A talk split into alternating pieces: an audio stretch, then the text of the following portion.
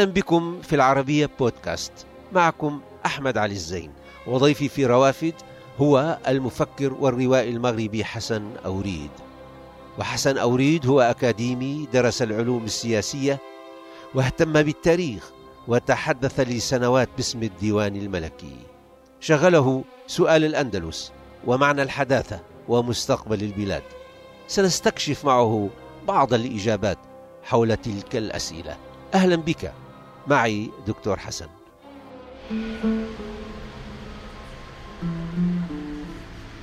إلى المغرب العربي إلى بيت هذا الرجل الحسن أوريد. وحسن هو مفكر وروائي وأكاديمي يدرس العلوم السياسية والقادم من الريف الأمازيغي إلى المدرسة المولوية ليزامل ولي العهد محمد السادس قبل توليه الملك. اهتم حسن أوريد بالتاريخ وتحدث باسم الديوان الملكي وشغل مناصب عديدة رسمية ودبلوماسية. جعلته يعلم خفايا الإدارة والحكم وأفادته في تأملاته وأبحاثه وأعماله. وفي النهاية حسن أوريد هو مفكر وروائي شغله سؤال الأندلس وسؤال الحداثة ومستقبل البلاد. ولعل السؤال الأول كان كما العادة هو سؤال تلك الحقبة التراجيدية من تاريخ العرب. هو أنا أميز بين زمنين. الزمن السياسي وأعتقد بأنه آه، ظاهر للعيان لأي كان. والزمن التاريخي. لكي نحكم على الأشياء بتأني. أعتقد بأنه من الصعب أن نحكم بنظرة موضوعية. لكن من حيث المنظور أو منظور الزمن السياسي هو وضع كابي تمزق فرقة يعني دول فاشلة.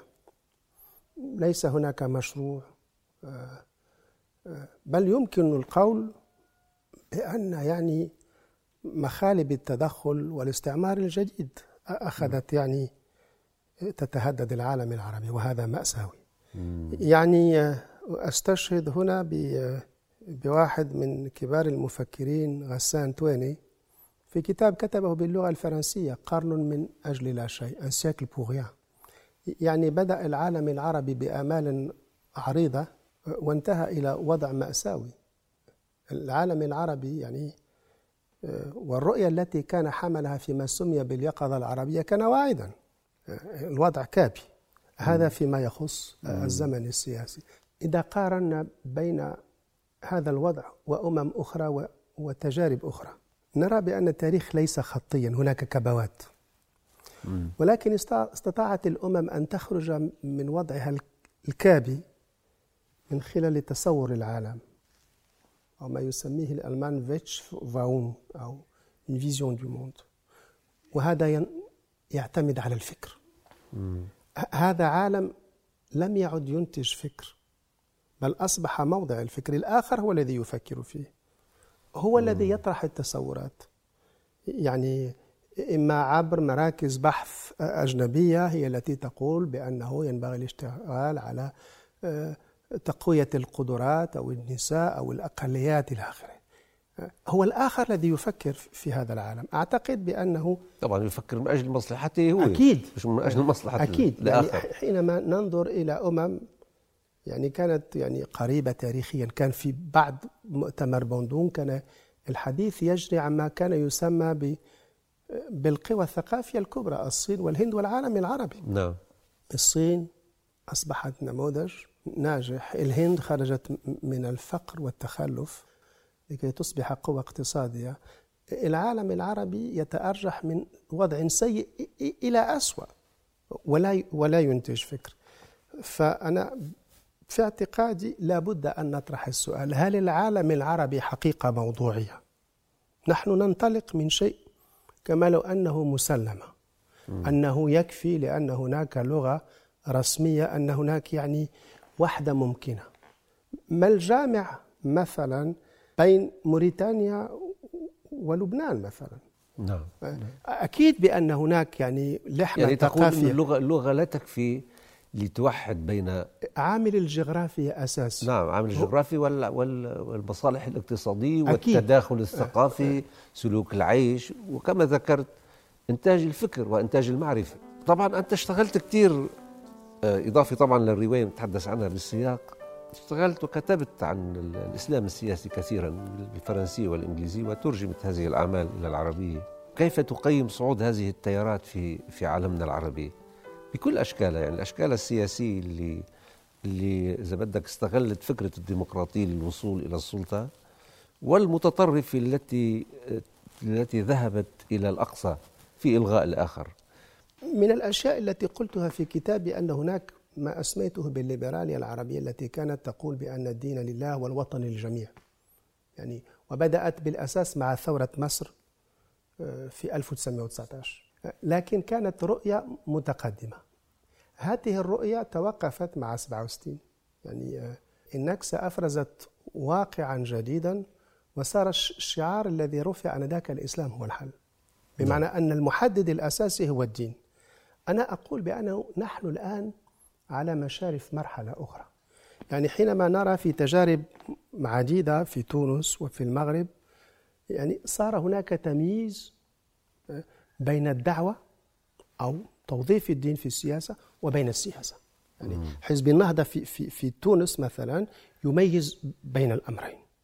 نفس الشيء حدث ويحدث الآن مع حزب العدالة والتنمية طبعا يميز. فنحن على مشارف نعم. مرحلة ثالثة. هذا هو الطرح الذي أطرحه. وهذا الطرح بناء على مسار تاريخي وعلى فشل التجربة وعلى ما أسميته في كتابي باللغة الفرنسية مأزق. باس أن توظيف الدين في السياسة من أي طرف كان يفضي إلى تناقض؟ إلى المأزق. تماما مأزق. آه، ربما فشل المشروع القومي أو الاستعجال يعني في الاستعجال في تحريك التاريخ كما يرى البعض بعض المفكرين يعني حرق المراحل عبر تلك الأحزاب التي يعني جاءت بعيد الاستقلال وخطفت الجمهوريات العربية صح القول. آه، طبعا رفعت شعارات براقة وجميلة ومهمة كنص. ولكن في السياق وفي التجربة وعلى بالواقع آه، أدت إلى نتائج غير مأمولة وغير مرجوة على الإطلاق بل أسست لمآسي. وربما ما يحدث الآن في بعض الدول العربية أو في غالبيتها نتيجة تلك الكارثة اللي هي آه، كانت ذروتها 67 هذا تحصيل حاصل. أعتقد بأنه فشل المشروع القومي بعد 67 كان بداية وإرهاص لظهور الخطاب أو خطاب الإسلام السياسي. يعني تغير المشهد الثقافي في مصر ومن ثمة في العالم العربي بعد فشل المشروع القومي. هذا تحصيل حاصل. حينما نريد أن نبني أي شيء لابد من مسح توبوغرافي. أنا أريد أن أبني بيت مثلا لابد يعني أن أقف على. البنية الأرضية يعني.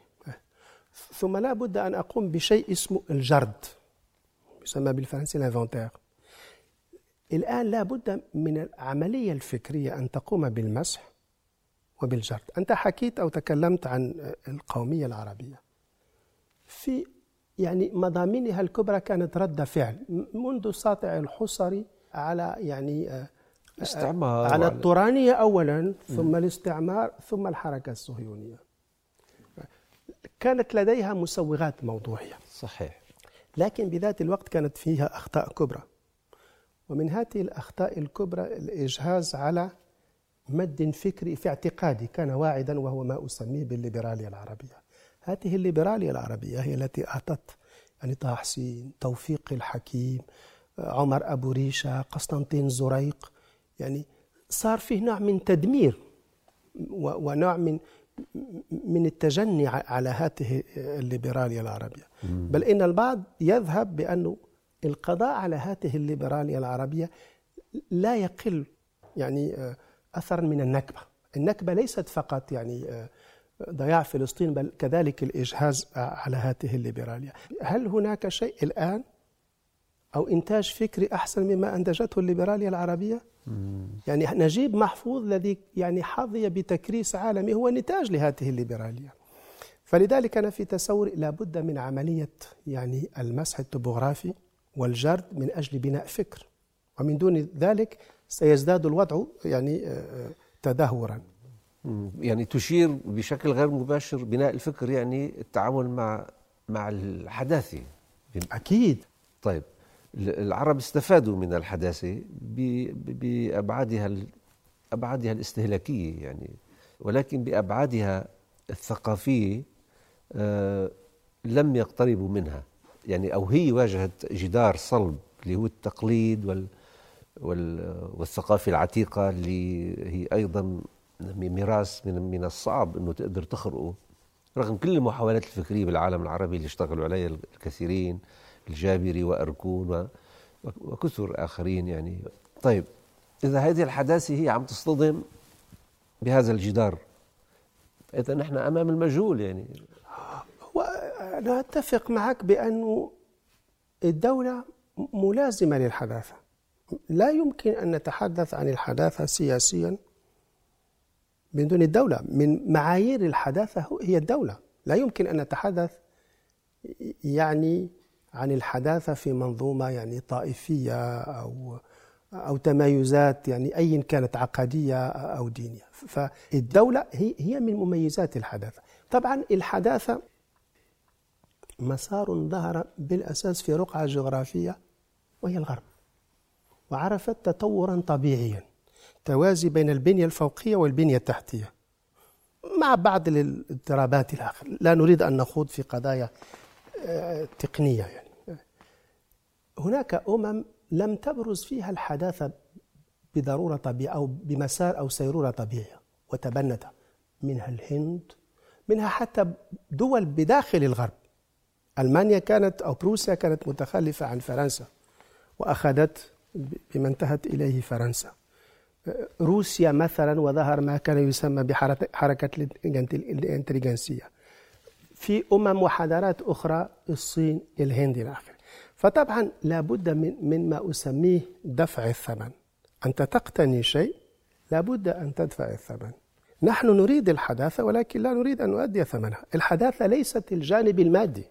لا لا. الجانب المادي هي العمل على الجانب الذهني والتن... منه الدولة. طبعا هنا لابد أن أقول شيء ومعروف يعني أنه فيه اختلاف بين بين الدولة والنظام. هناك مثلا في العالم العربي أنظمة قوية ولكن ليس معناه أن هناك دول, دول. الدولة ليست أدوات زجرية نعم. الدولة هي تعبير عن عقد اجتماعي بالأساس وأعتقد بأنه نتبين الآن بأن هذا المفهوم غائب في العالم العربي نعم.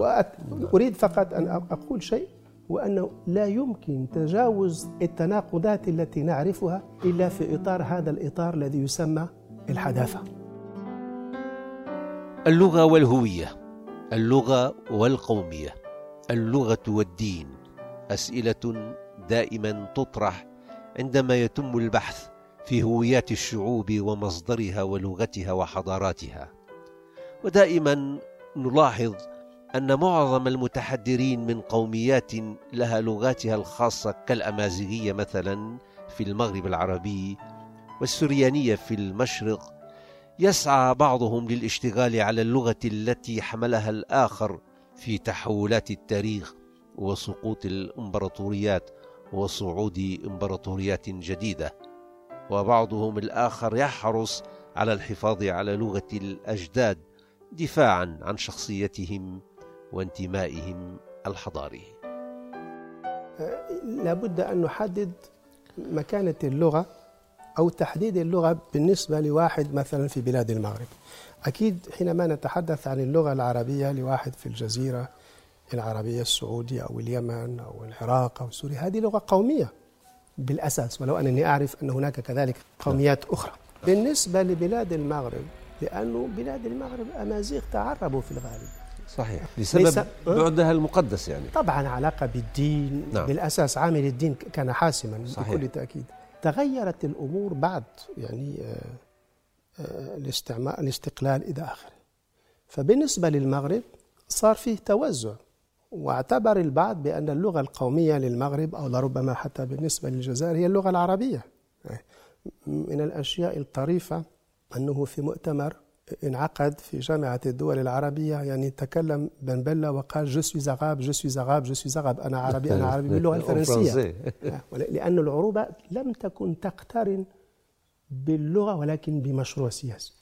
هنا الخطاب القومي كان مهيمن وتم على حساب البعد الأمازيغي. كان فيه نوع من الإزراء بالأمازيغية لغة وثقافة واعتبر البعض بأنه سيتم استيعابها أي تجاوزها. ولم تكن تدرس ولم تكن يعني تكتب إلى آخره. تغيرت الأمور لعوامل آه، آه، عدة وطرحت القضية الأمازيغية بالأخص بعد سقوط حائط برلين. آه، الذي انتهيت إليه هو أنه هناك عناصر موضوعية وراء الخطاب أو أي خطاب يوظف الهوية. وكل خطاب هوياتي ينبني على استعداء الآخر ويمكن أن ينطوي على مزالق. وانتهيت بأن الذي يجمع المجتمعات هو الإيمان بقيم مشتركة. نعم. حينما نؤمن بقيم مشتركة يمكن تجاوز الاختلافات. لا لا ليس معناه أن, أن نقفز على الاختلافات. هي جزء من الطبيعة. نعم. اللغة العربية جزء من المغرب. هل يمكن أن نقفز على البعد الأمازيغي؟ لا اسمي أمازيغي. الطريقة التي يتكلم بها المغاربة وبنية اللغة الصرفية تحمل هذه اللهجة. اللهجة. يعني تحمل مخارج الحروف. مخارج الحروف. مخارج الحروف تحمل أثر اللغة الأمازيغية يعني. لكن الأهم تحمل البنية الذهنية الأمازيغية. نعم. وهذه نعم. أمور يمكن تجاوزها بالإيمان بقيم مشتركة. يعني خلاصة القول أنه اللغة لا تشكل وحدها يعني فكرة الأمة أو الأمة العربية أو, أو فكرة الوحدة أو الهوية بشكل عام. نعتقد بأنه ينبغي أن نتجاوز الهوية لأنها مثل ما قلت بناء لفائدة مفهوم آخر وهو الشخصية. الشخصية هي أعمق. لكي أوضح يعني حينما نتحدث مثلا عن مصر هناك شخصية مصرية أثيلة وعميقة. مهما كان اختلاف في الدين أو اللغة مصر غيرت دينها غير ما مر. مصر الفرعونية ومصر المسيحية ومصر المسلمة وفي المسلمين الفاطميين كذلك نفس الشيء بالنسبة للغة لكن العبقرية المصرية أو الشخصية المصرية ثابتة فلذلك الأمم يعني وما يحق على مصر يحق على بلاد المغرب يحق على بلاد الشام يحق نعم. على بلاد نعم. العراق يعني عوض أن نتيه في نهاية المطاف الهويات متطورة طبعا مركبة. مركبة. ولذلك أنا شخصيا أفضل أن نتحدث عن الشخصية لأن هي العميق البناء الثابت. الشخصية اللبنانية الشخصية صح. المغربية. إيه. يعني هلأ العالم كله يتحدث الإنجليزية تقريبا. م. يعني مش العالم مش كله شخصية إنجليزية يعني. صح. لذلك أنا أفضل طبعا مفهوم الشخصية. هذا الكتاب يعني هو رواية عن ربيع قرطبة وتحكي عن فترة أساسية صار فيها نوع من الصدام بين الشيعة والسنة. كان الفاطميين يعني صاروا بيهددوا يعني آه، شمال إفريقيا فصار فيه صراع مذهبي. فهذه الرواية بتحكي عن هذا الصراع يعني السني الشيعي لأن الناس تعتقد بأن بلاد المغرب كانت في منأى عن هذا الصراع. فقرطبة كانت تمثل يعني ما سمي أو كان يسمى بالسنة والجماعة. آه، في حين أن آه، الفاطميين انتقلوا من من تونس أو إفريقيا آه، إلى مصر وأرض المغرب كانت أرض الصراع. فهذه الحكاية أو الرواية تحكي عن هذا الصراع في عهد عبد الرحمن الناصر. الناصر. الناصر وهو الذي تسمى بأمير المؤمنين. أول خليفة تسمى وابن الحكم. بس هي تحكي عن عن الحكم. اهتم حسن أوريد في تاريخ الأندلس كفكرة وليس كرقعة كما يسميها والتي كانت نتيجة تلاقح هويات وشعوب وانتماءات فكرية ودينية مختلفة. وليس فقط من خلال ذلك النموذج المؤطر الشعري الذي لا يقدم التجربة كاملة في ذلك البعد الحداثي الذي ميزها وجعلها رمزا في تاريخ الحضارة العربية في عصرها الذهبي. وكما نعلم أن سقوط الإمبراطوريات دائما يترك تداعيات وأصداء تدوم لسنين طويلة. كذلك كان لسقوط الأندلس تلك التداعيات والأصداء التي تولد الحسرات والحنين. كتب حسن أوريد عن هذه الحقبة والتجربة التاريخية عملين روائيين هما الموريسكي وربيع قرطبة. لندع الجانب التاريخي الذي قد يمتزج بالأسطورة. مم. أنا الذي يهمني حينما أشتغل عن الأندلس أو على الأندلس على الأصح هو رمز. الأمم تحتاج إلى رموز مثل الطفل. حينما نريد أن نعلم الطفل مثلا الكتابة نكتب نقاط دي بونسيف مثل ما يقال باللغة الفرنسية. فبالنسبة مثلا يعني الغرب لفترة حينما خرج من ظلمات العصور الوسطى كان لابد أن يرتبط بنموذج النموذج كان هو التراث اليوناني الروماني. نعم. فبالنسبة إلي أنا أوظف هذا الرمز. لماذا؟ لأنه أول شيء طبعا لم يكن زاهيا مئة بالمئة ولكن كان فيه تعايش. طبعا. وكانت فيه نوع من نزوع إلى العقلانية لأنه كان مجتمع متعدد. وكان فيه في الفئات العليا تجاوز للاختلافات العرقية والدينية فعلى مستوى. ولذلك أنا أوظف الأندلس كرمز. نعم. والأندلس كفكرة وليست كرقعة. أنت قلت بأنه الإمبراطوريات حينما تنتهي تنتهي. الذي يهمني في الأندلس يعني استرجاع الفكرة وليس استرجاع الرقعة. وهذه أشياء ممكن أن تفيدنا. وأعتقد حتى الآخر استرجاع القيم يمكن هو هذا الذي أقول. نعم الفكر القيم يعني. اللي يسموه الإسبان لا كونفيفانسيا أي العيش المشترك احترام الآخر العقلانية. وربما هذا اللي دفعك أن تكتب. أنا درست على شخصيات كانت مشبعة ب بالتراث الأندلسي لأن أغلب هؤلاء الأساتذة كانوا يتحدرون من أصول يعني آه، أندلسية. ولكن الذي كان يهمني هو نموذج حمله جاك بيرك وبعض من عالم الاجتماع الفرنسي. الفرنسي.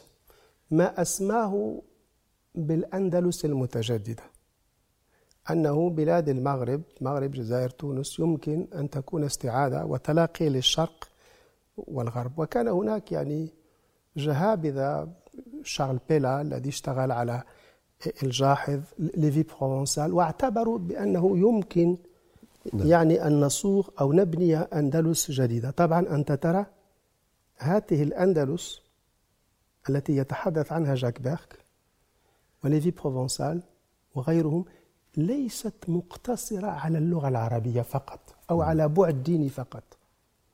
ولذلك أنا بالنسبة إلي يعني لا يمكن أن أقصر الأندلس على الملل والنحل آه، آه، آه، لابن حزم والشعر ابن زيدون فقط. لابد كذلك أن أقف عند الأطراف الأخرى التي لا نقف عندها حينما نتحدث عن الأندلس. ونتابع هذا اللقاء مع حسن أوريد في حلقة ثانية. لنتعرف أكثر على مسار حياته وأعماله التي نوع فيها ما بين البحث الأكاديمي وكتابة الفكر السياسي والرواية انطلاقا من استحضار أمكنة تاريخية كالأندلس مثلا أو شخصيات كان لها التأثير العميق في الوجدان العربي كالمتنبي.